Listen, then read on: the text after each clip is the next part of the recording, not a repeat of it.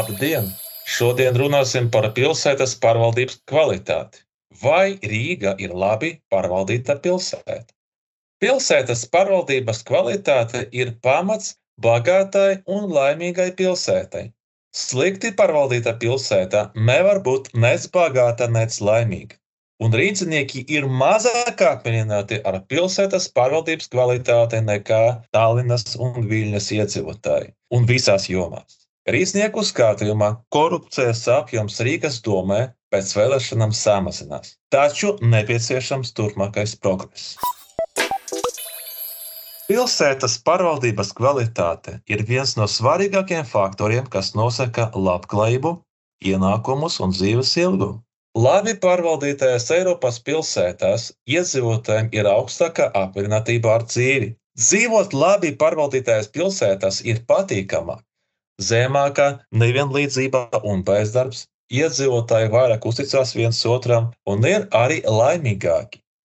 Neviena no slikti pārvaldītām valstīm, reģioniem un pilsētām faktiski nevar būt nec bagāta, nec laimīga. Saskaņā ar 19. gadā veikto aptauju Rīgas pārvaldības kvalitāte ievērojami atpaliek no Tallinas un Viļņas. Eiropas pilsētu sacensībā labākā pilsētas pārvaldības kvalitāte ir Cīrihē, pēc sliktākā Romā. Rīgā šajā pilsētu reitingā atrodas pēdējā desmitniekā, divreiz tuvāk Romai nekā Cīrihei, kā arī tuvu citām Dienvidu Eiropas pilsētām - Sofijai, Lisabonai, Bukarestei. Savukārt Tallina un Viļņa ir tuvāk Cīrihei nekā Romai kurās tieši jomās Rīgas pārvaldība atpaliek, itin visās. Rīznieku vērtējums ir viskritiskāks par korupcijas izplatību. Šeit esam 4. vietā no apakšas Eiropas 75 lielpilsētu vidū un par pašvaldības iekasētu maksu samērīgumu. Šeit mēs esam 6. vietā no apakšas.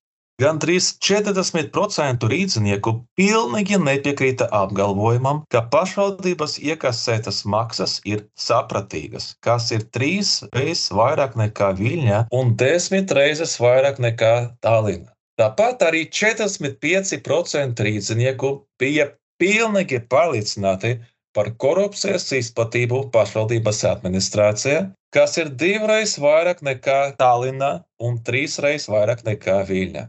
Nevar noliegt. Pārvaldības kvalitāte pilsētā ietekmē arī kopējā pārvaldības sistēma valstī. Abos no ābeles tālu nekrīt. Taču, arī ņemot vērā kopējo korupcijas izplatību Latvijā, Rīga negatīvi izceļas. Piemēram, Latvija un Lietuva ir līdzīga korupcijas izplatība, taču Viļņā tā bija ievērojami mazāka nekā Rīgā. Vairuma Latvijas Republikas pilsētas pārvaldības kvalitāte, vismaz iedzīvotāju skatījumā, ir labāka nekā Rīgā.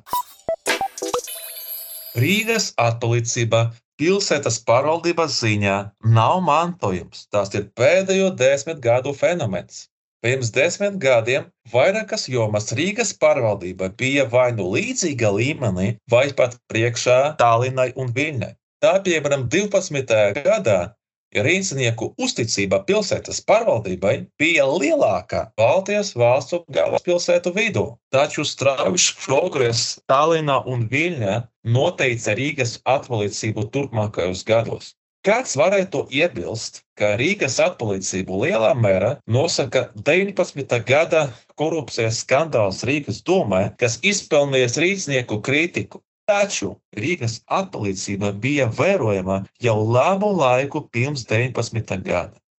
Ir zīmīgi, ka rīznieku skatījumā korupcijas Rīgas domē pēdējā gada laikā palika mazāk. Tas var atspoguļot Rīgas domas vadības grožu maiņu pēc 20. gada vēlēšanām. Taču šodien joprojām vairāk respondentu pārliecināti par korupcijas esamību pašvaldības administrācija nekā par neesamību. Tādējādi nepieciešams turpmākais progress. Ir bīstami, ja pie korupcijas Rīgas domē rīznieki ir pieraduši un viņu skatījumā korupcija jau kļuvusi par normu. Lūgti minēt trīs problēmas, kuras pašvaldībai būtu jārisina pirmām kārtām pat 19. gada korupcijas skandāla laikā ar korupcijas risku mazināšanu saistītus jautājumus spontāni nosauca vien 6% respondentu. 21. gada beigās tikai 2%.